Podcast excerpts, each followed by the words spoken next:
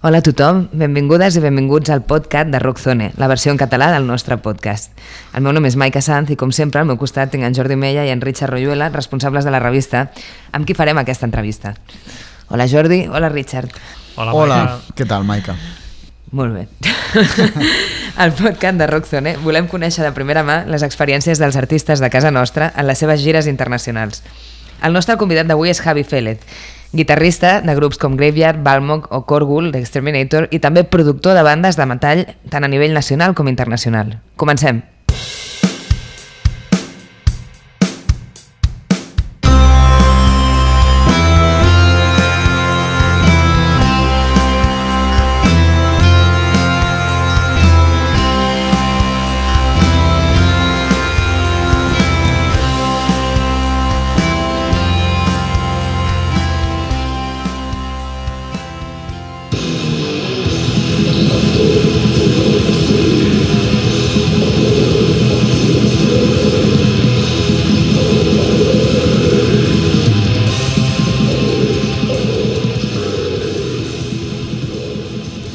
Javi Félez és un personatge que podríem descriure com hiperactiu, ja que sempre està immers en molts projectes alhora.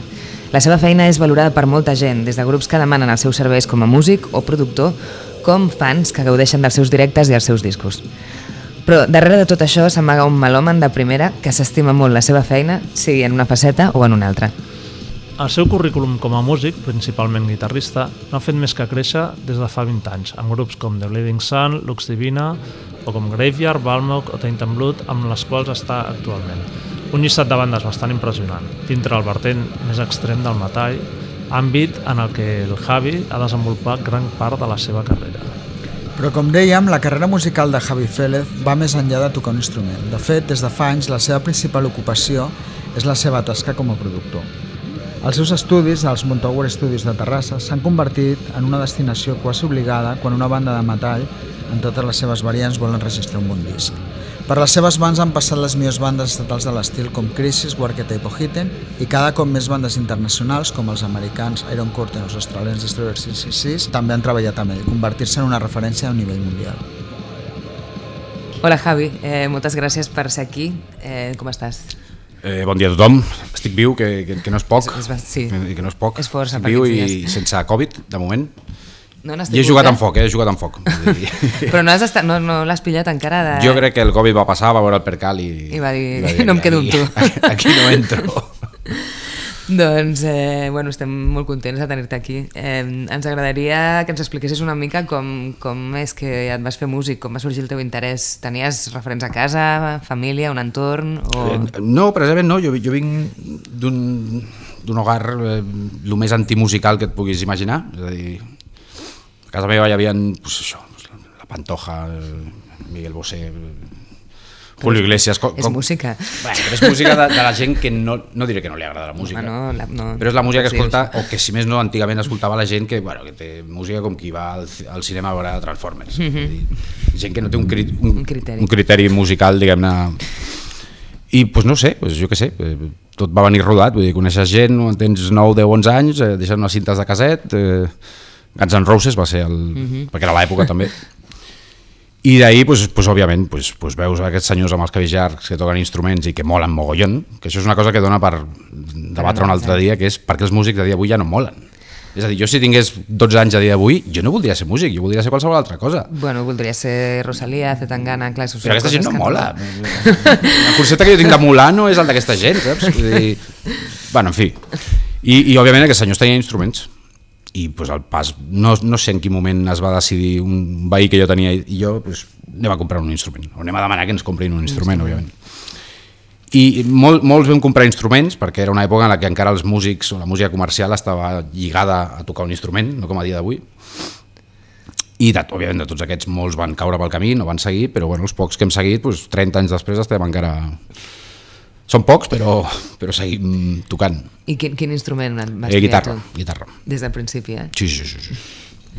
Com vas decidir eh, començar a tocar en bandes? O sigui, com, com va ser muntar la primera banda o unir-te a la primera banda? Clar, estem parlant d'una època que no hi havia internet, que no hi havia... Mm. Vull dir, el teu cercle de coneguts es reduïa a un, a un grup de 5, 6, 7, 8 persones no és com a dia d'avui, no? que jo veig a l'estudi, no? que tinc un estudi de gravació, i jo veig que sovint xavals molt joves tenen, jo què sé, 17, 18 anys i han format un grup d'un estil super concret i super específic i han trobat músics i tal. En aquella època muntàvem grups on hi havia un punky, hi havia un hard rockero, hi havia un que li molava la tralla i hi havia un altre que, que no sabia ni com havia anat a parar aquest grup, no? Vull dir, anaves repescant els pocs músics que coneixies del teu... Llavors, doncs, bueno, es creaven les típiques bandes de versions, que és amb el que comença tothom i sempre recomano que es faci, perquè és bo agafar tables amb, amb algú relativament senzill o que coneixes molt, no? I això pues, sempre acaba desembocant en... Pues, bueno, algú porta un tema propi, que no recordo ni qui va ser ni en quin moment va passar, però bueno, sí, vam estar tots els anys 90 tocant bandes petites, bandes locals, i no va ser fins a segona meitat dels 90 que ja vam començar a fer alguna una miqueta més d'entitat, bandes de black metal en aquella època, i que ja pues, bueno, gravàvem maquetilles, anàvem a estudis, ja fèiem bolos una miqueta més fora de, de la teva comarca. Bueno. I bueno, ja a poc a poc pues, la bola es va anar fent més gran i cada cop vas fent coses de més envergadura, vas coneixent més gent i això et permet pues, eh, ampliar el teu radi d'acció, no?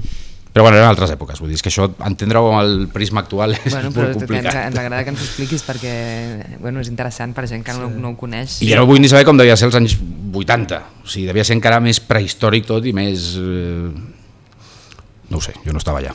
Vas notar per això que tenies certa facilitat o talent natural per tocar un instrument o hi vas haver de posar moltes hores? I... És bona pregunta, perquè jo he tractat amb molta gent que no té aquest talent. Jo no dic que jo el tingui, eh? Vull dir, mm -hmm. home, no sóc un paquet, però no sóc Ingui Malmsteen.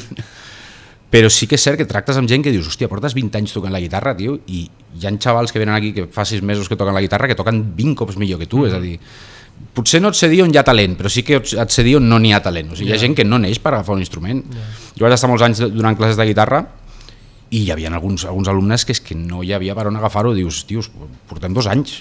Dir, em sap greu pels teus pares que s'estan gastant una yeah. fortuna, però és que, tio, portem dos anys i no ets capaç ni de col·locar dos dits per fer un acord, no? En el meu cas no va ser ni difícil ni fàcil, vull dir, hi ha gent que sí que és cert que, que hòstia, agafa un instrument i, i jo he treballat amb músics molt joves que dius, hòstia, però si aquest tio toca com, com si portés 25 anys tocant uh -huh. i, i té 17 anys. Uh -huh. Això sí que és gent que, que té un talent innat. Després estem la resta de mortals que estem allà pues, que ni sí ni que no, yeah. que ha costat... Han estat moltes hores, sobretot quan ets més jove. Joder, jo he tocat més dels 13 anys als 20 que dels 20 als 42. Mm. Això t'ho dic tot. He tocat 20 vegades més, perquè quan ets jove i més en aquella època tampoc hi havia molta cosa més que fer, vull dir, pues, agafaves l'instrument i venga, i hores i hores i hores. Recordes la primera cançó que vas aprendre a tocar? Pues no ho sé, però devia ser alguna Metallica o Guns N' Roses o... Jo recordo el, el riff de l'Enter Sandman. O sigui, recordo clar, sí. la, la... Per la meva generació, sí, clar, jo recordo la... la... Smoke on the Water d'una nova generació. Això seria de la tuya. No, no, de, no, no dic que l'Enter Sandman o la meva és abans, però que l'Enter Sandman és com l'Smoke on the Water de... Sí, sí, sí, jo, jo sí que recordo el, el, el fet d'encadenar aquelles tres primeres, tres, quatre primeres notes, tan, tan, tan, tan, tan, i dir, hòstia, que se pare el mundo que pres a fer això. això sí que ho recordo. Ara, si era la primera, sí, suposo que devia ser, si no la primera, la segona o, o la tercera. I tota la vessant així més de producció, de gravació, tot això, quan, quan et comences a interessar i com, com s'hi fiques? És difícil perquè, per exemple, també tinc un record eh, molt clar d'escoltar a la Beta for Destruction de Guns N' Roses clar, jo em sabia els membres de la banda de memòria uh mhm. -huh. i jo en canvi no entenia què collons feia el baixista i mira que és un disc on el baix s'escolta però clar, jo parlo 12-13 anys recordo tenir l'ofuscació aquella de dir hòstia, què és el baix? Per què no escolto el baix? I preguntes d'aquestes se't van formulant a mesura que et vas tornant més melòmano. Vull dir, vosaltres no produïu, no produïu discos, però estic segur que, que us heu plantejat moltes coses relatives a, a per què això amb aquest disc sona així o per què sona això o com es fa perquè això soni així o això, no? I aquestes preguntes, però, bueno, eh, un bon dia em van portar a estudiar so. Vaig acabar a l'AGB, allà al, al Bupicou, i em vaig ficar a estudiar so, però ja portava anys, si no no fent gravacions, sí, sí, escarbant, no? és a dir, llegint coses, eh, fent-me preguntes, intentant entendre per què passaven les coses amb un disc, i quan estudies so, pues, o en aquella època, quan estudiava so, pues, t'ho explicaven, no? Deien, pues, un disc es fa així i tal, tal, tal, i a partir d'allà pues, ja va ser a, a pinyon. Amb, amb el tema aquest del so, eh, tu que estaves en un estil especialitzat o més ficat amb el metal, eh, Vas veure que de sortida que n'hi havia un buit de produccions, de que per les bandes, igual tu que tocaves amb bandes encara mig amateurs, era molt difícil trobar algú que els hi gravés una demo o un primer CD amb condicions que anessin a un estudi i que l'entenés el tècnic i, i Sí, sí, sí. et vas donar compte que per allà n'hi havia un camí a seguir per tu? No, és que era l'únic camí. era l'únic camí que hi havia. Això ho he vist amb els anys, que a mi m'ha anat relativament bé o prou bé, perquè jo vaig començar a fer discos fa 14-15 anys i era un moment en aquest, aquest país, o si més no, a Catalunya, Barcelona, digue-li com vulguis, estudis que estiguessin centrats en aquest estil de música no n'hi havien. Ara sí que n'hi ha alguns més, però fa 15 anys no n'hi havien o potser n'hi havia, no sé, se m'ocorre un que hi havia a Barna que feia bastant de metal, un altre que hi havia a Madrid que tal, però que no hi havia la mateixa quantitat d'estudis que hi ha a dia d'avui, no? Llavors, doncs, una cosa porta l'altra, si portes molts anys tocant amb bandes i movent a l'escena, doncs coneixes molts grups. Els grups, òbviament, doncs, si saben que tens un estudi, doncs venen, venen al teu, ni van a un altre, no?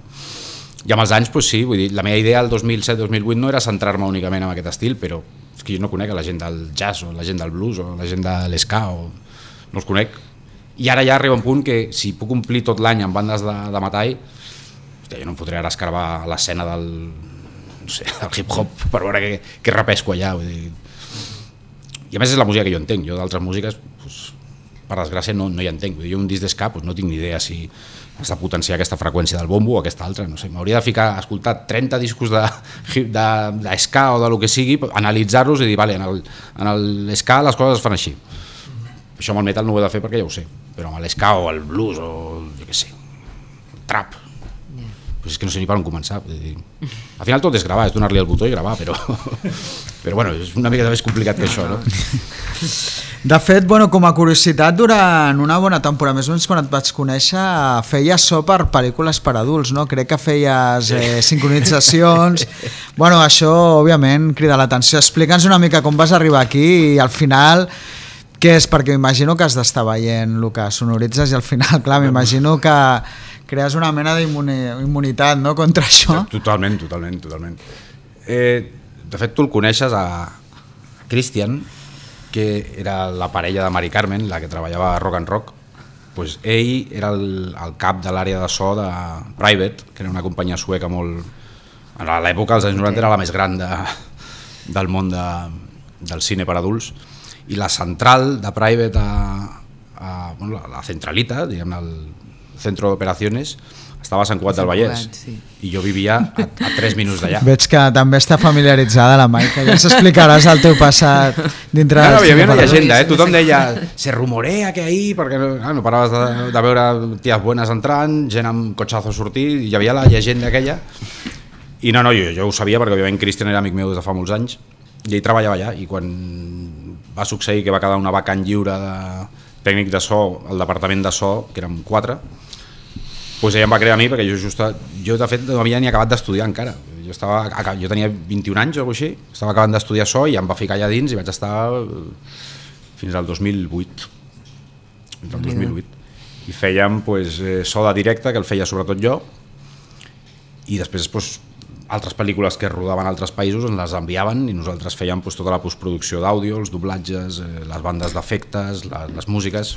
Jo he fet música per centenars de pel·lícules porno. Això és una cosa que, que no L'has fet gent- tu com a autor? O sigui, Bueno, agafàvem... Eh, Un cinte, no? O... Agafàvem un cinte i agafàvem llibreries, eh, loops que ja existien i els muntàvem, vull dir, no, no teníem temps de ficar-nos a composar, però bueno, que, que la música que es... Ahí estan. Ja. Suposo que era una època, no, a part, de nivell de feina, clar, era l'explosió del DVD, tot això, que els volums de feina havien de ser salvatges. Jo quan jo no? vaig entrar encara estàvem a a Moviaquesa A perquè sota estava el... tenien el, el, el, la fabricació de la, la, no sé quina és la paraula el, Duplicadora, la no? la duplicadora, el que Sí. fos i la tenien sota del, de l'edifici a les catacumbes llavors allà doncs, VHS, vamos per això Cristian sempre el veus amb, amb la motxilla plena o el veies amb la motxilla plena de coses que tothom es preguntava per què sempre amb motxilla Ja. aquest senyor Aquesta història és interessant, eh? no crec que al Cristian li importi que l'expliquem. i- i anècdotes- Bàsicament, la història que abans d'internet, el Cristian, que és un xal, era, era col·leccionista de pues i té una col·lecció Segueixen, de pues i segueixen. segueix sent. Llavors el que feia és que malava els tour, al final els conductors dels, de les bandes que venien i tot això en pel·lis porno. Ah. Sí, sí, per, i- perquè ella es podia tenir, clar, llavors era per internet, tu imagina't, Clar, era com no- tenir tresors. Pobre. Ella ha Llavors- subministrat porno a, des dels Rolling Stones a Madonna, Bruce Springsteen, a tots els conductors d'autobús, tècnics, tour managers, tots han mamat porno subministrat pel Christian, que ell s'emportava la seva recompensa, que Que eren Que eren les pues. Tenia antigament la, la major col·lecció de pues d'Europa.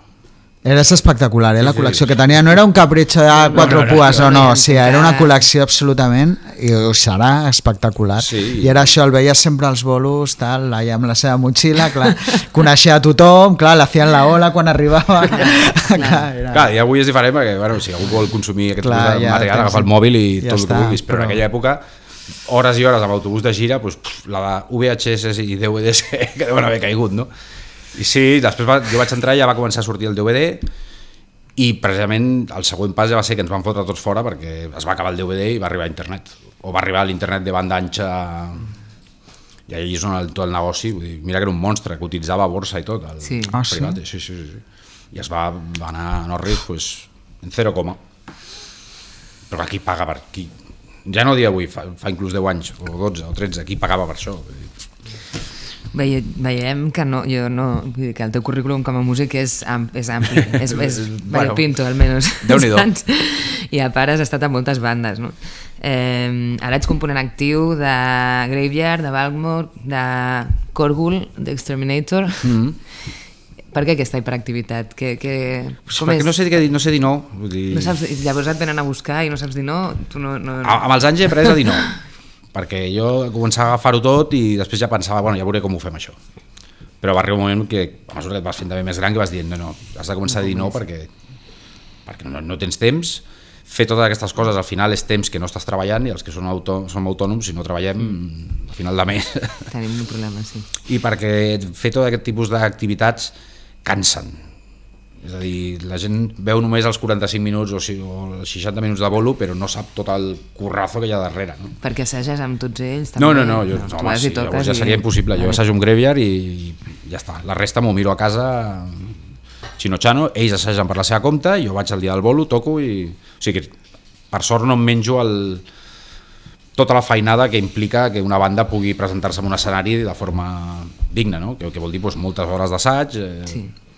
Etc, etc. I jo per sort doncs, això I tu no has anat a buscar mai ningú? O sigui, sempre No. ha sigut orgànic? Sí, vull dir, sempre, jo toco amb gent que ja coneixia Ja. previ a haver tocat amb ells, m'havia d'agradar la seva música, òbviament, i tenir un vincle de... Perquè és que al final estar en un grup, salvo que sigui la teva feina, o sigui, jo no dic que els senyors de Metallica es portin bé entre ells, potser s'odien, no tinc ni idea, però bueno, al cabo del mes reben... Ja. però aquests nivells petits on no hi ha calés de pel mig, per mi és vital que, que hi hagi un bon clima i que et portis bé i que no siguin una colla de xalats Bueno, que sigui gent maca i que sigui gent amb la que és fàcil treballar i, que gent ho que no té paranoies no? mentals llavors al final això és gairebé més important que, que, que la música que òbviament t'ha d'agradar però, però el fet de saber que estàs perquè són moltes hores que passes amb tota aquesta gent no? si estàs amb penya que té mogudes eh, aquest que, que té depressions aquest que no sé què, aquest que és un neure que sempre l'està liant doncs al final no, no ho disfrutes no? I no, doncs jo intento això, sempre que hi hagi, si hi ha bon clima, m'hi fico. Però bueno, ara ja no m'hi fico a cap lloc més. Al contrari, m'he de començar a, tre A, tre a treure sortir, coses. Sí.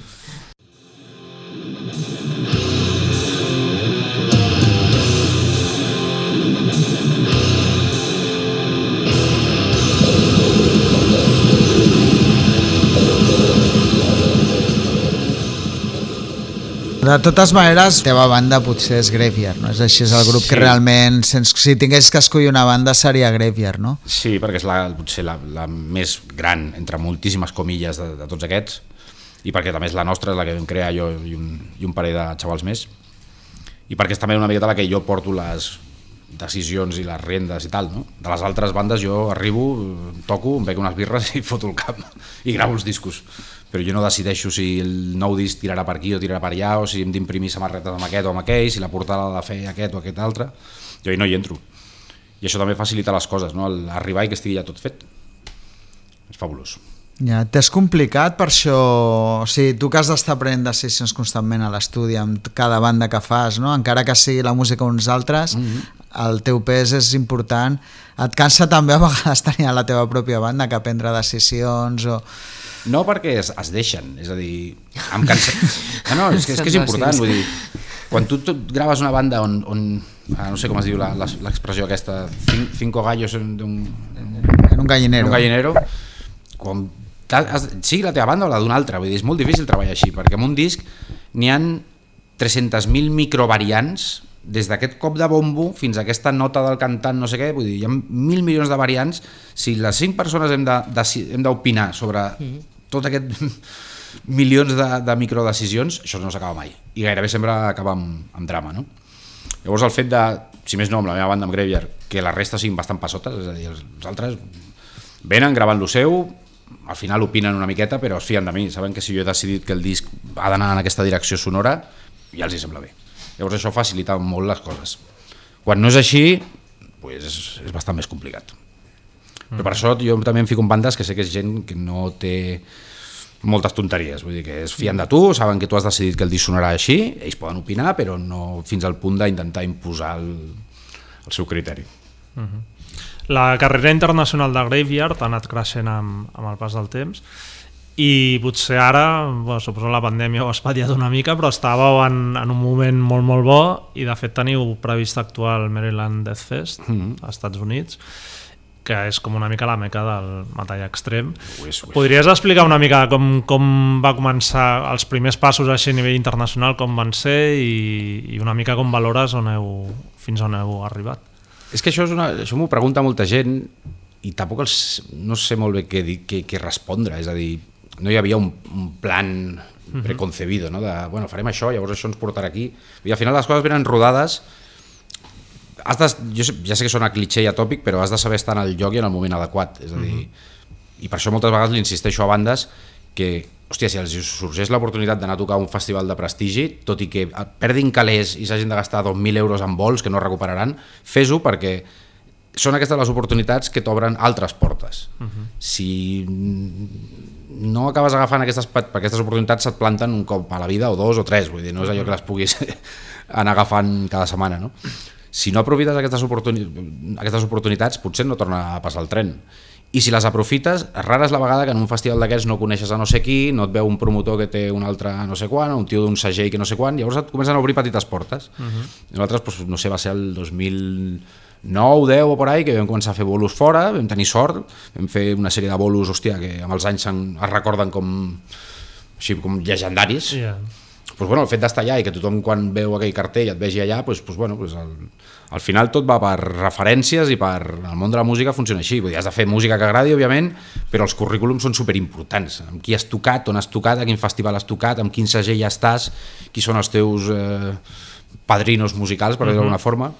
I si saps veure tots aqu aquests, aquestes petites eh, indicacions i saps aprofitar-te d'elles, doncs no és gens difícil. Les bandes, no sé, penso en Foscor, penso en bandes d'aquest estil, que coneixen una miqueta aquests entresijos de com funcionen les coses, doncs se'ls obren portes, se'ls van obrint portes. El que passa que has de saber quines portes trucar i, uh -huh. i quins telèfons agafar i quins no. És a dir, perquè a vegades hi ha bandes que es perden amb, amb coses que no porten en lloc. Vull dir, aquestes bandes que estan tocant 39 cops al, a l'any al seu barri, tio, això no, no et sortiran mai les grans ocasions. Les grans ocasions és que et llencis, tio, i vagis a buscar coses fora o a la que vegis que pots, si et surt una oportunitat d'anar fora, vés-hi, tio, no et centris en tocar al teu barri 48 vegades a l'any perquè això no serveix per res.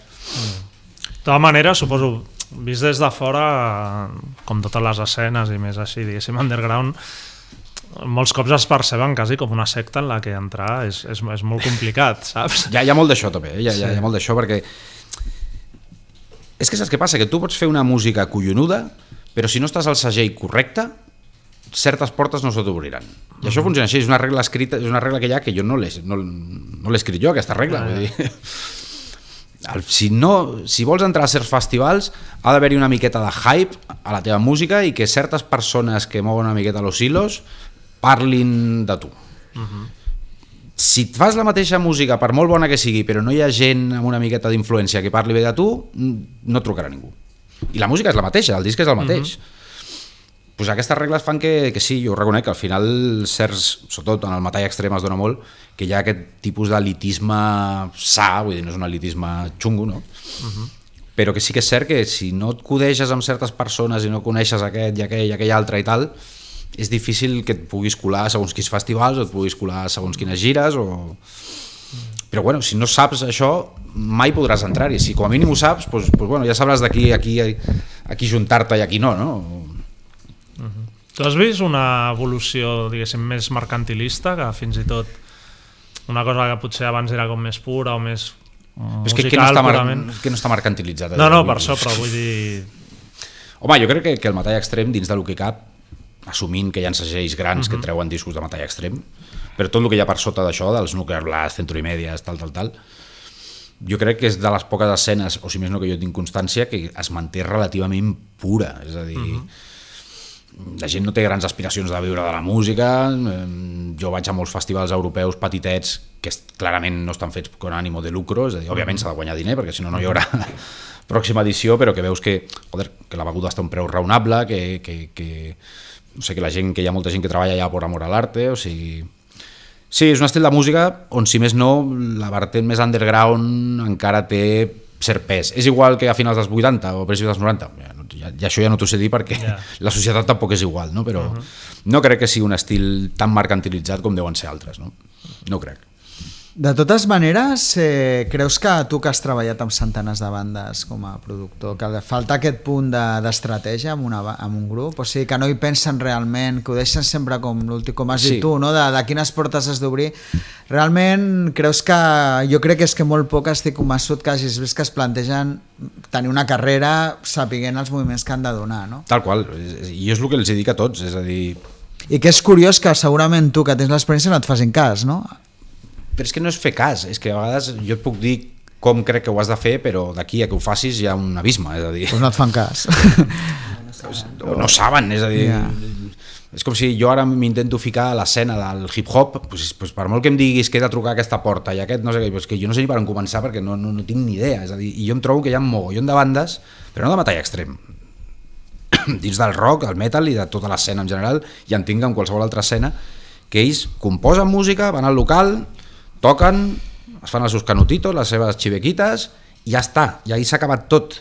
I esperen que els truquin del bar del costat per anar a tocar, però la funció de ser tu qui vagi a, buscar coses i a moure's una miqueta, o per desídia no tenen ganes, o per desconeixement no tenen ganes, llavors pues, és trist, no? que et gastis 3.000, 4.000, 5.000 paus en un disc, i ja està. I un cop l'has tret, bueno, i ara què? Pues, pues em sento aquí a esperar que, que els del bar del costat em truquin, no? Però clar, per saber a quines portes trucar i tal, doncs has de conèixer on estan les portes i quines són les portes, si no, no serveix de res que jo et digui has de trucar a les portes. Les bandes que això ho saben, doncs, òbviament, en major o menor grau, algú fan, algú acaben fent. Les que no ho saben, doncs, sí, doncs el disc acaba sent autoeditado, 100 còpies que li encasqueten a la prima, a la madre, al vecino i ja està. Ra, tornant, tu has dit no? que, que la gira a les bandes, tu, tot i que com a productor sí que tens un espectre més ampli de, de bandes, les teves bandes en general estan més englobades dintre del metall extrem, has dit que és una escena on realment molta gent encara es mou per amor a la música, tal. M'imagino que això també té molt a veure o afecta directament a la manera en què es gira, no? Alguna vegada m'has dit, quan et vaig dir del podcast, dice, no esperes glamour en mis històries perquè no n'hi ha, no? Especialment a més que vosaltres, que també us agrada molt la festa, m'imagino que ha de ser... Bueno, com és la gira? O sigui, com és una sortida de Graveyard? Ha millorat, m'imagino, amb el pas dels anys, en alguna però com, Menys per com un, és? que encara sigui a l'adolescència, pels altres sí, sí, sí. Vull dir, de fet, l'última que vam fer poc abans de la pandèmia, que van ser dues setmanes per Europa, hòstia, ens vam sorprendre nosaltres mateixos de, hòstia, que bé ens hem portat. Però clar, és que ja tant, no és el mateix girar amb 40 anys que girar amb 27, no? Però sí, sí, sí, vull dir... Si al final les bandes que millor porten són aquelles que, que controlen i que no... Perquè tu no pots estar dues setmanes de juerga cada dia. Bueno, pots fer-ho si tens 27 anys i tens temps després per recuperar-te, però a certes edats, doncs, hòstia, com et fotis una gorda un dia, ja l'arrastres durant dues setmanes i no te la treus de sobre, no? I a més no ajuda que no dorms, no ajuda que...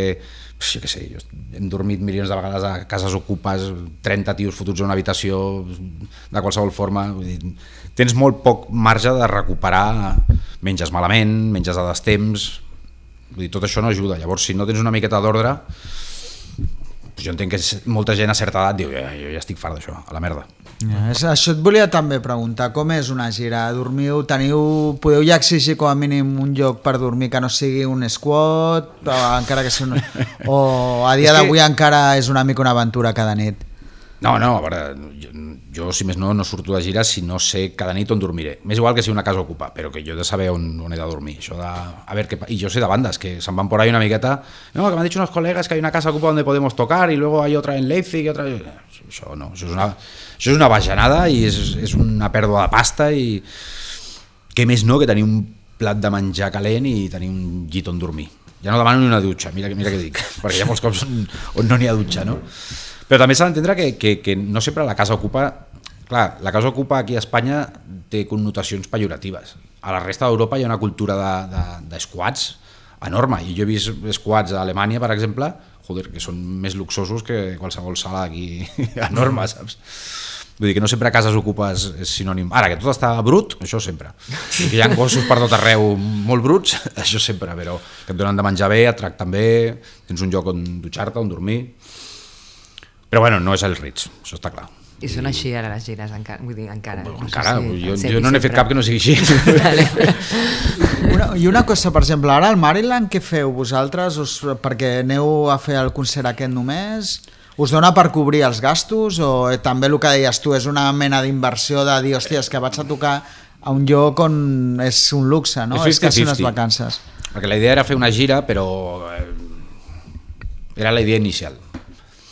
Però home, al final, bueno, ho vam descartar i amb tot el Covid que ha vingut per sobre pues, pues, pues ja es descarta completament. Anirem només, farem la data i tornarem. Ens paguen, no dona per cobrir tots els vols, vull dir, però bueno, si al final has d'acabar ficar 500 euros de la teva butxaca, com si són 1.000. O sigui, és que tocaré el festival més totxo, vull dir, jo miro el cartell del dia que toquem, és que toquem amb Obituari, toquem amb Carcass, toquem amb Suffocation, amb Atheist, vull dir, és un quien és quien de... toquem el, jo és que encara no em crec que estem aquell dia tocant amb totes aquelles bandes, no? Vull dir, i és a l'escenari principal. Si et diuen que això et costa 100 euros per barba o 200 euros per... que al final ho pagues del pot de, del grup, no ho pagues de la teva butxaca. Però és que tot i que fos de la meva butxaca, o sigui, yeah. si al final acabes pagant aquests diners per anar a un festival, doncs bueno, pues el pago per anar a un festival on so- a sobre el toco jo. Sí. No, a veure, la idea és que ells, ells pagaven per cobrir els vols. El que passa que els vols mm, els vam comprar el 20, els vam haver de cancel·lar, alguns no ens l'han retornat, eh, els hem hagut de tornar a comprar, eh, el bateria a última hora diu que no es pensa vacunar i Ja hem de buscar un altre músic, el seu ja vol no serveix, hòstia. vull dir, va sumant Sí, sí. pluses i dius, hòstia, és- mare de Déu, al final això costarà, És ni ho sé, època, però bueno. Però és igual. Però ens quedem també 5 dies després a Nova York. O sigui, jo m'ho prenc com unes vacances. Home. Ja que vaig. I, molt bé, I, i aquestes gires, no? I aquests bolos, i ara que ets productor i tens el teu estudi, com, com és compaginar les dues coses? O com, en, com ho encaixes? Sortiu menys, cada cop et fa més mandra, no? Ho No, perquè al final són, els que som autònoms, bueno, vosaltres ho, ho sabreu, és que al final no tens un horari de dilluns a divendres. O sigui, jo gairebé tots els dies que estic que no estic por ahí de bolo i tal, jo estic treballant de dilluns a diumenge gairebé totes les setmanes. Llavors jo, jo sempre m'he pres, des de fa ja uns quants anys, em prenc tot això com les vacances. No, no et canses, eh, de sortir de... No. Home, que cada cop em costa una miqueta més, però tot i així encara ho puc portar bé. Però jo m'ho prenc com vacances, és a dir, dues setmanes de gira no sé on, dues setmanes de vacances. Vull dir, Està bé. jo ho enfoco així, No, són no, dues setmanes de si vacances. clar. perquè tornes amb, amb menys diners dels que va sortir, això sempre, perquè tot i que estigui tot pagat, sempre acabes eh, Sí. amoquinando coses, no? Llavors, però bueno, són vacances. Sí, però de totes maneres sí que n'hi un tema de... Hòstia, si tu tens una gira i has de mirar el teu calendari com a productor de no agafar una banda aquells dies o al revés, no? De moltes vegades dir, hòstia, no puc sortir a gira perquè tinc el compromís. Però és que per això jo sempre treballo a mesos vista, A mesos, sí. a- amb agenda i, i o sigui, a mi em passa que a vegades, mira, em va passar fa poc que Balmo que em diuen, hòstia, nos ha salido una fecha en no sé dónde, no sé pues jo aquell fin de curro. O aneu com a trio o, o, no, o el cancel·lem. Però jo intento que, si més no, el que és Graveyard, que, que més o menys porto jo la, la contractació de les coses, jo sé, o sigui, per exemple, ara mateix, a, a data de gener, jo sé tot el que farà Graveyard durant el 2020... Quin any és ara? 22. 22. Sí, sí, costa això. Llavors jo, jo tinc apuntat al calendari, vale, aquí aquest fin de tal, vale, aquí tenim un festi tal, un festi qual, un festi tal, i ja està, llavors ja està tot tancat. La resta jo ho puc omplir de feina, després si al final acaba sortint alguna cosa més, pues bueno, ja veurem, però... Però jo he de treballar amb temps d'antelació, clar, jo no puc d'una setmana per l'altra, Sí, l'estudi el tens reservat a un any vista ja. Vull dir... com a un any no, però... Però quasi. Ara mateix està fins l'octubre, està tot ple. Molt bé. Jo, jo encantat, vull dir, i això també va bé ja no perquè et garantitza tenir feina, sinó perquè de cara a fer planificacions de gires i de bolos i tal, doncs, hòstia, és més fàcil quan ja saps tota la feina que tens i els forats que et queden i, i que és més fàcil treballar, clar.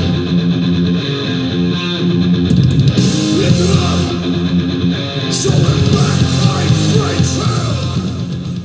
De fet, bueno, això, cada vegada com a productor és més sol·licitat. Sé que no t'agrada molt que t'ho diguin, però probablement ets el productor més important ara mateix de metal. Si ens fixem amb la, a Espanya, a l'Estat, Potser del metall que jo, del tipus de metall bueno, que jo faig. si ens fixem per les llistes del, de, fi, de, de cada any i tal, els teus discos a les llistes de metall, però bueno, això no, no és el que volem discutir. Bàsicament el que sí que significa, com has dit, és que ets una persona molt sol·licitada, també comences a fer coses ja amb bandes de fora, que et comencen a cridar algunes, Llavors, bueno, és una mica com valores tu la, ara mateix ja amb una perspectiva de que portes ja com 15 anys des de que vas començar, com valores una mica la teva carrera com a productor, si has arribat més lluny del que pensaves, però sobretot també en el futur, no? si et queden coses per assolir on t'agradaria en 10 anys intentar estar? pues, treballant amb... fer una miqueta de criba perquè jo segueixo, jo treballo en bandes de certa envergadura, entre moltes comilles, no treballo en metàl·lica, òbviament, però no deixo de fer bandes petites i tot i que és una iniciativa molt loable, no? que bé, fa bandes petites, desgasta molt més treballar amb xavals de 20 anys que graven per primera vegada que amb tios de 40 que ja han gravat 15 vegades. No? Llavors, per mi el meu objectiu és arribar a un punt en el que pugui simplement ser jo qui agafa els discos no que agafa tota la feina que li arriba no sé si m'explico, és a dir això no m'interessa Ja. ja sé que so- pasa que, hostia, a vegades ho penso i dic, es que això sona súper so- sobrat, ¿sabes? En plan, no, no, yo no puedo trabajar contigo, eres demasiado pequeño. Llavors, al final acabes agafant-ho tot, o gairebé tot, i et menges una quantitat de bandes que no estan preparades per gravar i que has de fer les mil i una perquè jo més o menys tingui cara i ulls, no? Pues poder arribar a un punt en el que et quedis únicament amb aquelles bandes mitjanament sèries i puguis descartar tota la morralla, que sap greu dir-ho així, però bueno, ja s'entén en quin context ho dic, pues aquest per mi és l'objectiu, vamos, nu número 1. Notes diferència a l'hora de treballar amb grups d'aquí o de fora? Són els de fora més professionals o són igual de... Jo crec que sí, jo crec que sí, però és que al final acaba generalitzant, tampoc he treballat amb tanta, tanta gent de fora, és a dir, Bueno, però sí que és cert que, hòstia, no sé, que suposo que és aplicable no només en l'àmbit de la música, sinó en altres tantes, tants eh, sectors, no? I no es pot generalitzar, òbviament, però, hòstia, quan treballes amb gent de fora o veus gent de fora, veus uns mínims que, hòstia, que a vegades aquí no els veig, vull dir, no, no, no els veig. Mínim de, de compromís, de, de, de prendre-s'ho una miqueta més en sèrio, de d'entendre que per fer una cosa amb cara i ulls has d'invertir calés, és a dir, no pots anar a un estudi de gravació amb 500 euritos i esperar que d'allà surti... Però és que en altres països la música està més, o si més no aquesta música està més estandarditzada, està més eh, acceptada pel gran públic, eh, té més infraestructura, vull dir, doncs també fa que això, les bandes de fora mmm, puguin estar una miqueta més professionalitzades, que òbviament no es pot generalitzar, vull dir, ja de tot. Però sí que és cert que aquest país, pues, bueno, vosaltres ho sabeu, la infraestructura de música rock metal que té, vull dir, és que gairebé inexistent. La, la putada una mica per això, Javi, no? que a vegades has de posar el teu nom a treballs que saps que no són bons perquè és que no dona el grup més de sí o perquè igual és que les cançons també són dolentes, que pot passar, no poden tocar bé, però... una cançó portar- dolenta sempre la pots maquillar. O sigui, quan una cançó és no, no, no dolenta, el problema no és que portin cançons dolentes, és que porten cançons que no estan treballades que estan, que estan desnudes, que, estan, que no tenen cap tipus de... no tenen arreglos, no tenen res, és una bateria, un baix, una guitarra i un tio cridant. I, i tu quan escoltes els discos no són així, i per sota passen un huevo de coses que és el que li acaben donant doncs, colors, textures, eh, sensacions diferents, el fet de que vagis ficant cosetes per sota, petits detalls, és el que es diu produir un disc, vull dir, gravar-lo únicament, gravar el bateria, el baixista, el guitarra i el, i, el, i el tio que crida, vull dir, això pot fer qualsevol, és donar-li el rec i ja està, no té molt, molt més de misteri. Però fer que això acabi esdevenint un disc amb tots els seus matisos i totes les seves capes i textures i tal, doncs és una feina més elaborada. Per tant, que si tu portes a l'estudi i et deixes ass- assessorar i portes cançons que no estan molt treballades, si tenim temps sempre ho podem millorar. El problema ve quan no hi ha temps, o no hi ha pressupost, o tens músics dolents, o tens músics dolents que no, sap que, són, que no saben Que que, són saben que músics són dolents. dolents. Que això és el pitjor. Que és el pitjor, clar, no? Això és el pitjor. I ara fa poc he tingut uns que no escoltaran això, per tant. Bueno. Però, O sí, però tela, O potser tela, ho escolten tela. d'aquí tres mesos i ja... Tela. Llavors, clar, al final és que això és el que tu dius, Richard, que és que el meu nom està aquí ficat. Sí. Llavors, i jo no sóc super exigent perquè sé d'altres estudis que directament t'envien a casa i et diuen No vés-te'n a assajar 3 anys i després tornes. jo entenc que no, perquè òbviament jo aquest mes t'he contractat a tu i, i s'ha de fer la feina perquè jo he de cobrar. Dir, Llavors, però, bueno, faig tot el possible perquè això es pugui millorar, però no sempre és fàcil. No sempre és fàcil perquè al final això porta el teu nom i com a mínim ha de tenir uns mínims. Ja no dic que aquí fem un Dark Side of the Moon cada cop que sortiu d'aquí, però ha, ha de tenir uns mínims, ha de tenir uns mínims i per sota d'aquests mínims a mi no m'interessa treballar. I una altra curiositat, suposo, hauràs vist coses entre bandes brutals, no? Bronques, increïbles, m'imagino que al llarg del temps, Pallisses. no? País directament. O sigui, aixecar-se un guitarra i fotre un cop de puny a l'altra guitarra. O sigui, sin mediar palabras, saps? Aixecar-se... Què fas tu en aquell moment? O, o sigui, pues dos tios... paciència. Vull dir, és, és una feina, perquè clar, bueno, vosaltres també ho sabeu, si et dediques al món de la música, estàs tractant amb gent pels quals la seva música eh, no, no respon a, a, a, a qüestions racionals, vull dir, és, és una cosa pas, passional completament. Llavors, clar, quan s'està gestant un disc, vull dir, no és el mateix que quan s'està construint una casa, que al paleta li dona igual fotre un cop aquí que fotre allà, vull dir, quan s'està fent un disc, hòstia, cuidao que dius, vull dir, has de tenir molt, no sé com es diu, Mà esquerra. mà esquerra. Has de tenir molt, molta mà esquerra perquè tu potser per, per dins penses, tio, toques com, com una patata, però no li pots dir perquè, perquè uh, es pot... O potser penses que la cançó és una puta merda, o potser penses que aquest solo fa vergonya, però totes aquestes coses no les pots dir. Llavors has de sempre buscar la forma més diplomàtica de... I però moltes vegades també passa pues, això, no? que trifurques entre ells, jo, jo n'he vist de, de, de, de tots els colors. Llavors has de saber una miqueta apaciguar la, la situació i fer-los entendre que, bueno, joder, que el més important, no poden haver-hi cinc Dave Mustaines, perquè ens entenguem, no poden haver-hi cinc persones que volen tenir la batuta. No, no pot ser, això no pot ser perquè, perquè és que no acabarien, no acabarien mai el disc. Llavors sempre recomano que hi hagi un, i això els aviso abans d'entrar a gravar, que depositin el seu vot de confiança amb un o dos membres del grup. De tal forma que aquests dos són una miqueta els que portaran la veu cantante i els altres han de quedar-se una miqueta enrere. I si això es respecta, doncs bueno, sempre en un grup hi ha jerarquies. I quan no hi ha jerarquies, aquest grup durarà quatre dies.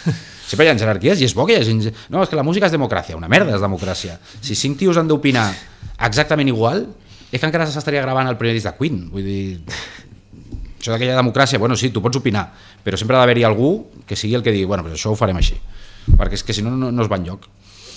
I les bandes que respecten aquest tipus de regles, jo sempre dic el mateix, vull dir, és bo que en matèria de so opini un, en matèria compositiva pues, tiri més del carro un altre, en matèria de contactes i, i portar les gestions del grup i els promotors i no sé què, no sé quan, ho porti un altre, és a dir, que, que es deleguin les responsabilitats en comptes de cinc tios tots volent opinar de- d'absolutament tot en el mateix grau, no? Són talents diferents. Vull dir que també cadascú ha de trobar el seu talent i... O... Bueno, jo, jo recomano el que, el que acostuma a funcionar.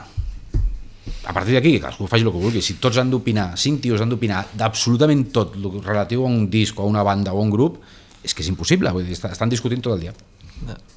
De tota manera, bueno, sigui a l'estudi o en una furgoneta de gira, vull dir, l'ambient d'un grup sempre és un, una cosa una mica volàtil i, i que pot explotar en qualsevol moment.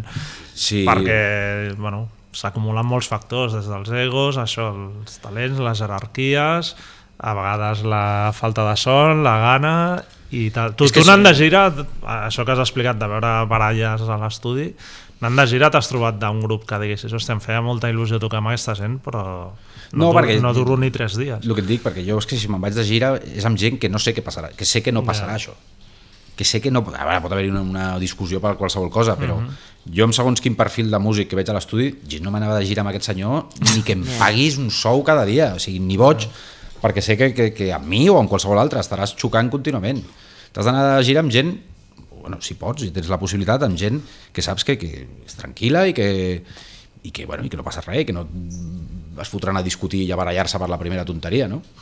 Jo he tingut sort en aquest sentit, jo de gira he presenciat res, no, no, no, recordo, un dia recordo que va haver-hi una trifurca al cotxe monstruosa, no me'n recordo per què, però vamos, ja està, no, no recordo més eh, coses xungues. Ja. I a nivell de, dels diferents països on has tocat, perquè diguéssim, aquí l'escena Matai, per molt extrema que sigui, no deixa de ser força civilitzada, però als països de l'est, per exemple, Sí, sí, sí. és una mica jo, més jo, jo he tocat a tots els països de l'est Sí. i diversos cops. Explica'ns una mica com, com està la cosa per allà. Ucrània. No, mira, Ucrània no he tocat, Ucrània no. Però, hòstia, per exemple, no sé, recordo l'últim cop que vam estar a Polònia, que vam tocar amb uns que es diuen Disaster, són alemanys, i vam coincidir la seva gira amb la nostra i vam tocar les dues bandes a... No, hòstia, com es deia aquella ciutat? Lodz, una ciutat polaca. Uh -huh. I, hòstia, no, estàvem allà sentats al merchandise i, no, i veiem que no paraven d'entrar tios polacos de dos metres, cap rapats amb bombers, i, i durant el bolo van haver-hi moments d'aquells de tensió de... però bueno, això és un cas puntual que també pot passar aquí no? però sí que és cert que la gent de l'Europa de l'Est hòstia, han rebut molts pals, la penya és xunga o sigui, tu vas a tocar Croàcia, vas a tocar pues això, Polònia, vas a tocar Romania, Hongria, països d'aquests que han estat castigats a lo llarg uh -huh. de, de la història i ho veus, veus penya que dius jo aquest no li dic ni mu perquè aquest tio em trenca la cara i em... Uh -huh. el, no sé, República Txeca són, són molt desmadrats no et sé dir molt bé per què, perquè tenen molta cultura d'això de Casa Ocupa, de festivals de Greencore, de tot això, i sempre que hem tocat a República Txeca, doncs això, veus penya, hòstia, un nivell de, de, de demacració i de, i de destrucció a l'Obscene Extreme, no sé si coneixeu el festival, uh -huh. és una salvatjada amb tota regla i només podia succeir a la República Txeca. No hi ha cap altre país on pogués haver un festival tan desmadrat com aquell, no? Però sí, sí, vull dir, Europa a l'Est has d'anar en compte també. Us sí, han robat alguna vegada? Perquè ara passa molt... No, nosaltres no. no. no però jo he escoltat autèntiques històries de, de terror, i aquí a Barcelona sé sí, que sí, sé de molts que els han robat. Sí, sí. Nosaltres no, però perquè ho sabem i no som tan idiotes de deixar una furgoneta carregada d'equip a un barri de merda i anar temporada de... de festa. Cosa que sí que sé que gent ha fet aquí a Poble Nou. Mm -hmm. I varios. Mm -hmm. I tornen el dia següent i diuen, què ha passat? Mm. -hmm. I després també també tenia curiositat a nivell de del que és públic femení, perquè tradicionalment el metal sempre ha sigut molt de tios, diguéssim, un, un ambient molt, molt masculí, però és cert que en els últims anys ha anat evolucionant. Ha canviat, ha canviat. Com, dir... com ho has vist una mica des de dins i des de... Home, hem de dir, hem de partir de base que l'estil que nosaltres fem, si més no amb Greuger, no és molt femení. Uh -huh. no, no és molt femení vol dir que no és un estil de metall que atregui a molt públic femení, com sí que són altres estils més Vull dir, nosaltres sempre fem la broma que els nostres bolos només venen gordos calvos de 50 anys, alemanys barrigudos a, a veure cervesa, vull dir. Però sí que és cert que això ha canviat. És que recorda com era la situació dels anys 90, per exemple, anaves a un mm-hmm. concert de Morbid Angel o de Cannibal Corpse, una banda d'aquestes, i era una dona 100 tios. això per sort ha canviat, vull dir, ara està més... No crec que s'hagi arribat a una paritat, vull dir, com, mm -hmm. si més no al metall extrem, vas a una sala i potser, no sé, la proporció serà 30-70, 40-60, no ho sé, però bueno, ja no és el que era als anys 90 que jo era un, el que dèiem un campo de nabos mm -hmm. sí, sí. en aquell sentit, doncs, bueno, però no, aquí, aquí sí que no veig distinció entre Europa i no, no recordo cap de fet et diria que inclús Alemanya nosaltres sempre fem aquesta broma, i a Alemanya hem tocat, no sé, 50, 60, 70 vegades, i sempre fem aquesta broma de, hòstia, per què a Alemanya només ens venen a veure gordos, calvos de 50 anys, saps? No sé, potser té alguna explicació, no, no, la, no la conec. T'agradaria... Bueno, abans has dit que no sabries com abordar altres estils musicals, no? Com a productor, sí que no, que no sabries. Però hi ha alguna cosa que, que tinguis al cap que diguis, hòstia, això m'agradaria provar-ho o fer-ho i potser no cal que escolti 40 discos de hip-hop per, no sé, alguna, alguna banda que t'agradi... Tot el que siguin músiques que no estiguin molt sobreproduïdes, mm. sí, perquè això s'ha de saber distingir. Hi ha músiques que encara es mantenen relativament pures, el jazz, el blues, vull dir, són músiques que, els músics arriben a l'estudi, els hi fiquen els micros, toquen 4 o 5 cops la cançó, agafen la millor toma, arreglen tres cosetes, ho mesclen molt per sobre i ja està. Són músiques que no estan molt adulcorades, postproduïdes. El Matai, sento dir-ho, per als que pensin que és una música pura, el Matai té més postproducció que... és a dir, el que és una banda tocant a un local d'assaig, el que és un disc acabat, hi ha un abisme, no? Llavors, doncs, bueno, tot i que jo a títol personal no consumeixi molt jazz i blues, de fet no, no estic gens ficat, però no m'importaria fer-ho perquè sé que, tot i no sabent, és molt senzill, és simplement buscar bons músics, ficar-los en una sala, col·locar bons micros, saber com gestionar la preparació de, de la sessió, gravar-ho i polir-ho una miqueteta i ja està, vull dir, i escoltes els instruments reals, no? Al metall passa això, no? que jo perquè em sé tots els truquillos, però si això que jo estic plantejant, si es fes a la inversa no seria possible. Tu un senyor que grava discos de blues yeah. no el pots ficar a fer un disc de metall perquè és que no sabria ni per on començar o sigui, perquè s'han de fer una sèrie de processos d'edició de... o sigui, el problema del metall és que és un estil que requereix un nivell tècnic que no sempre els músics tenen, Yeah. o sigui, un tio no es fot a tocar jazz si no toca fàcil. guai sí. un tio no es fot a tocar blues si no toca guai però la gent es fot a tocar metall, sobretot metall extrem sense tenir aquell nivell musical que, que requereix llavors aquí és on entra la, la màgia d'estudio que vol dir les mil i una trampes, per arreglar tot això, no? Llavors, doncs, això si no saps com es fa, eh, és complicat. Però entenent que, bueno, òbviament intentes guanyar-te la vida, però no seria molt més honest tant tu com molts productors com d'això de un grup que no té nivell i dir, no et gravo. No et gravo perquè estàs generant contingut que no té una qualitat i que al final és- no, estic, estic editant Eh, aquí, em passo més hores editant que la bateria els bombos quadrin que no... Estic d'acord i, és un debat que jo tinc a mi mateix perquè jo critico la massificació que hi ha a dia d'avui. Bueno, critico. Sí, Sí. sí. Soc conscient de la massificació que hi ha a dia d'avui, que hi ha més bandes que públic. Però clar, això eh, xoca de bruces amb el fet de que jo he Sí, sí. d'omplir l'estudi. Sí, sí, Ojalà sí, jo sí. pogués omplir-ho amb bandes només d'aquest prestigi. Bueno, pues, pues, al final la resta de l'any l'has d'omplir. Jo de totes formes li dic a les bandes, els dic, tios, jo us ho arreglo, no tinc cap problema, m'esteu pagant per això, jo us ho arreglo, el bombo queda perfecte, la veu queda perfectament afinada, els acords queden perfectes, però després això ho heu de tocar en directe. Llavors, a mi em faria vergonya, jo això ho he arribat a dir, a mi em faria vergonya amb, amb l'estat que esteu, i el que heu de fer és acabar el disc, l'acabem, us aneu un any a assajar cada dia i després plantegeu-vos tocar en directe. Que no ho feu, ja és problema vostre. Dir, jo us he advertit que això no està pre- preparat per pujar a un escenari. A partir d'aquí, feu el que us roti, no? I, el, i alguna vegada has no signat o sigui, dir, tu pots decidir no signo això no, no diem que això ho heu fet aquí Alguna vegada ho he fet, clar. perquè no sempre... Firma Javi Pérez. No? No, però No, no. vull dir que a vegades dius bueno, aquesta Fa poc, feina fa l'he poc, amb una començat, banda de black metal l'haig els d'acabar- l'haig d'acabar, la farem perquè la farem perquè esteu aquí, ja no és ni perquè em paguis eh, sinó perquè tampoc Sí, sí, sí. igual no deixes tirat a, a algú amb qui tens un compromís però jo això no ho vull signar perquè ho jo vaig ho fer. faria Ho vaig fer fa uns mesos. bueno, Saps què passa? Que, que si jo tinc control de la banda des de que entra fins que surt, o sigui, és a dir, si jo faig tot el procés de gravació i de mescla del disc, m'asseguro que això tindrà uns mínims. El problema és que no sempre funciona així, el problema és que l'abaratament dels costos de, de gravació mm. a dia d'avui permet que tothom amb, una, amb un ordinador de merda, ja no cal tenir un, un Mac de l'hòstia, vull dir, pots tenir un, tenir un portàtil PC de 600 euros del Media Market, una targeteta de so de 200 euritos i et graves al teu local. sí. Llavors tothom pensa, oh que guai, doncs fem això i ens estalviem estar dues setmanes amb el pesat aquest allà a l'estudi donant pel sac.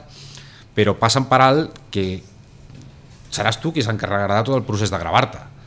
I, I això no és tan senzill com donar-li el botó i ja està, és a dir, has de, és gravar, editar bé les coses, tornar a repetir, saber quan has de repetir, saber quan la toma està bé o no, saber quan està bruta o quan no va estar, quan algú està afinat o no va estar, i moltes vegades doncs, es pacta amb molts grups, vale, t'ho enviarem tot de cara al jo què sé, el 15 de març, tu reps el disc el 15 de març i dius, tios, jo amb això no, no, no, no puc tinc ni per, ni per... no puc fer absolutament res amb això. A vegades ho gestiones i es poden arreglar les coses o que contractin uns quants dies més d'estudi i jo els hi arreglo absolutament tot, o regravo, perquè jo he regravat moltes coses, tot i que no ho dic mai, però hi ha vegades que no, que ni per, no es pot eh, invertir més diner i et diuen, eso es lo que hay. I dius, bueno, jo m'he compromès, us he guardat els dies, ho farem, però aquí no fiqueu un nom, perquè això és una guarrada de, de mil dimonis, sí, sí, sí, d'aquests n'hi ha, ha diversos. Ja, suposo, bueno, jo sempre dic eh, que no hi ha res millor que una bona banda de metall, però no hi ha res pitjor que una mala banda de metall, o sigui... Tal qual. Llavors m'imagino, i quan parles d'extris, ara que deies d'una banda black metal, o sigui, una banda black metal dolent ha de ser terrible, Terrible, un, un autèntic terrible. malson, no? Perquè... És que el black metal és un estil Clar, per això dic, és que es Que- barreja ràpid, és un so molt peculiar. Clar, una banda dolenta de ser mm, terrible, el terrible. pitjor del terrible. món. Perquè o sigui, és molt, molt fina la línia que, se, que separa, en el cas del black, del black metal, per dir alguna cosa, que separa el, el, el ser una bona banda de fer el ridícul. És a dir, recordo per una, una banda que el cantant era molt jove i, i, i la veu li feia, li feia gallos. I el tio estava, estava cantant i, i és, que, és que no sé, és que no podíem, o sigui, ens estàvem tots partint el cul de riure pues, bueno, pues no podia fer millor perquè el xaval la veu li anava, li anava, li anava fotent, fent gallos no? i jo què sé vull dir, les bateries de metall extrem hòstia, has de tenir molt de nivell per tocar-les bé perquè, perquè requereixen unes velocitats i, un, i una sincronia perfecta no? Veus un xaval que, que fa 4 dies que toca la bateria que intenta tocar una bateria de black metal i que fa aigües per tot arreu pues, pues yeah. és, és, és, és, és molt trist de veure, però, però, però bueno, què has de fer? A més, el problema és que antigament aquestes bandes gravaven les seves maquetes i, bueno, i ahí quedaven per la posteritat i Sí, ja està. El problema és que a dia d'avui, com això es pot arreglar, Sí. s'ha d'arreglar. Va, Spotify. Llavors, clar, pues, pues, hi ha moltes bandes que tu pots escoltar allà fora que dius, hòstia, com, com sona el disc? Bueno, pues, si tu sapiguessis com és la banda, fliparies, saps? Però, bueno, Bueno, i aquests dos anys de, que portem de que ja no sabem ni quin any és, no? de, de pandèmia, d'estranyesa, de cancel·lacions i has notat alguna diferència en bueno, la creació, la gent ha produït més, s'ha posat a composar més, han volgut Sí, sí, gravar sí. més, menys, t'han trucat més jo he treballat més amb aquests dos Ja. anys que en els dos anteriors. O sigui, no sé, entenc que el fet de no poder tocar en directe pues, pues, fa que totes les bandes que... A nosaltres ens passa amb Greuger, que quan decidim que ja s'ha fet el disc i s'ha acabat, pues ara tenim un, dos anys per davant només de bolos, no? ni Ja. composar, ni gravar, ni, ni res de tot això, centrar-se amb, amb, el, set- amb el setlist dels bolos i només tocar els bolos. Llavors, pues, el fet de no poder donar concerts o, o, o perquè concerts s'han pogut donar però molt poca Ja. cosa no? pues ha fet que sí, que sí, efectivament les bandes han fotut les piles i també molta gent confinada eh, avorriment pues, no sé, jo, jo, jo tinc bandes de les que acostumo a treballar sovint que m'han passat 3 o 4 discos en els últims dos anys pues perquè sí, tenen discos a la recàmera això jo suposo que al, al, llarg, a largo plazo generarà algun tipus de ressaca de que hi haurà bandes que tenen ja discos preparats pels, per la pròxima dècada sigui, vol dir, això durant passa 10 anys no gravaran ni un mes cultural, però jo he gravat sí. discos per avorrir, per avorrir. La llàstima és això, que no els poden... I de fet jo vaig gravar discos ja en pandèmia de bandes que, que, que no hem sortit de la pandèmia i ja estan gravant un, un, Un segon altre disc. No hem pogut ni presentar-lo i diuen, bueno, fem un altre. D'aquestes n'hi ha. hi haurà un, un excedent de, de tot de tot. Sí, sí, sí. sí. De fet, se sap que els segells grans o, mm, encara vull dir, estan conservant molts discos Sí. a la recàmera eh, esperant que finalment s'obri tot per... Perquè tu mira la, quantitat, la poca quantitat de llançaments grans que hi ha hagut en aquests últims dos anys. I no és que la gent no hagi gravat ni res, No, els no, discos però estan això fent. està que passa passant que amb- tothom el té que no per, directe, sí. per llançar-lo, no? Bueno, per anar acabant, ens agradaria... No sé, tens alguna estampa mental de dir, hòstia, aquell dia que estava, jo què sé, a la plaça no sé on, menjar-me un, un Frankfurt o un... Sempre volen l'anècdota. Sí, Però vols dir de gires? I de... de gira, sí, d'estar por ahí i dir, hòstia, són les 5 del matí i estic, no sé, fotent-me una birra en un, Hòstia, si m'ho haguessis en un preguntat... cementiri o jo què És sé. que d'aquestes el problema és que n'hi ha masses.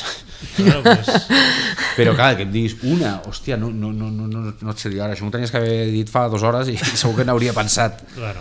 Hòstia, no, no et sé dir ara mateix. Una en concret així Recordo salvatge. una, Javi, esta, pots, eh, que vas explicar que estaves d'un club i al final pilles la taja i quan vas veure el càrrec de la tarja el dia següent te l'havien Ah, sí, sí, sí, sí, sí bueno, de coses d'aquestes.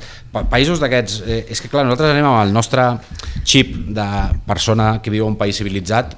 I, clar, quan vas a països no tan civilitzats, eh, Sud-amèrica, eh, Europa de l'Est, has d'anar en compte amb aquest tipus de coses perquè te la poden clavar per tot arreu. Vull dir. I sí, sí, a mi em va passar, però bueno, i sé de molta més gent que també, pues això, pues, passes la tarja i fuà, et foten una buidada ahí de targeta que flipes, saps? Bueno, el que passa que no és una anècdota graciosa aquesta.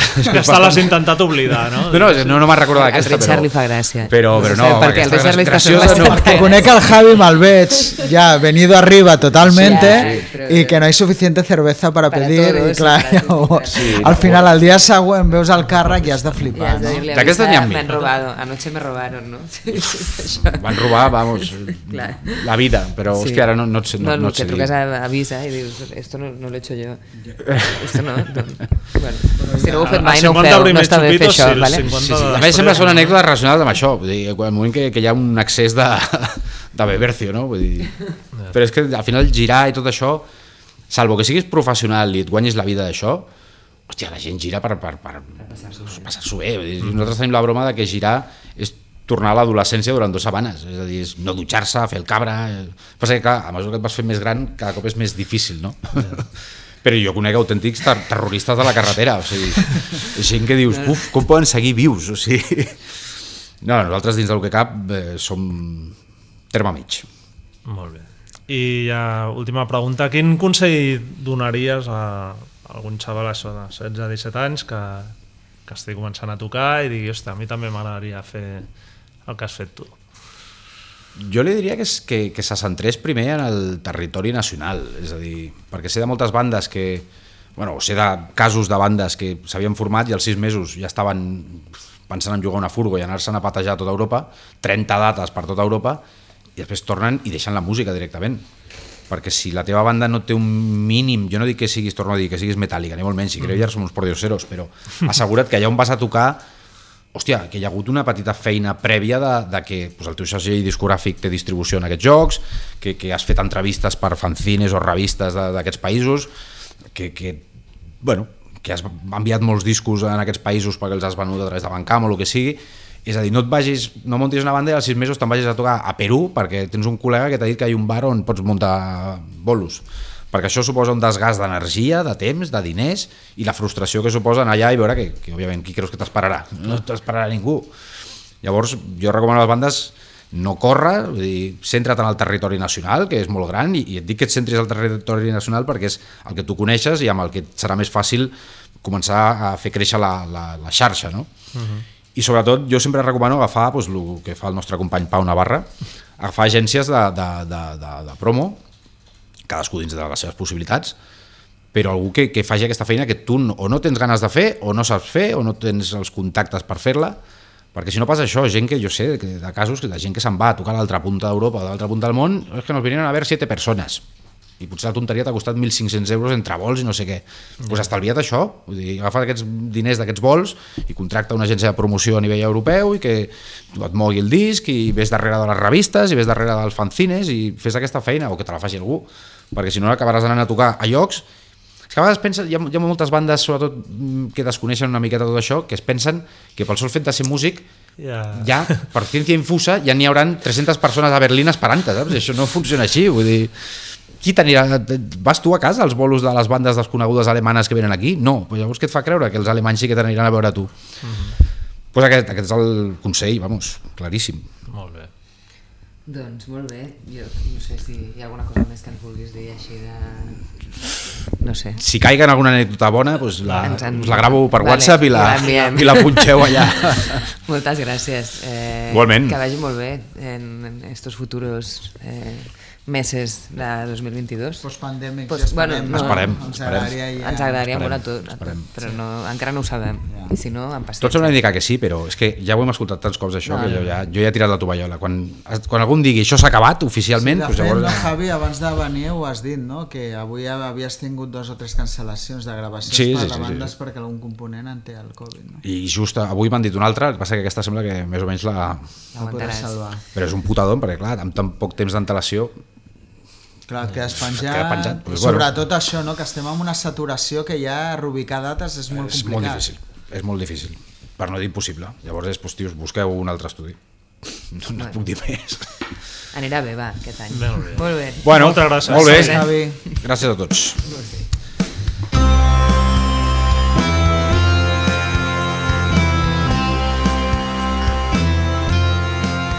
Us podeu subscriure al podcast a qualsevol plataforma on els escolteu habitualment, Spotify, Apple, iVoox, i també ens podeu seguir a la nostra pàgina web rockzonemac.com i les nostres xarxes, Facebook, Twitter o Instagram. A reveure!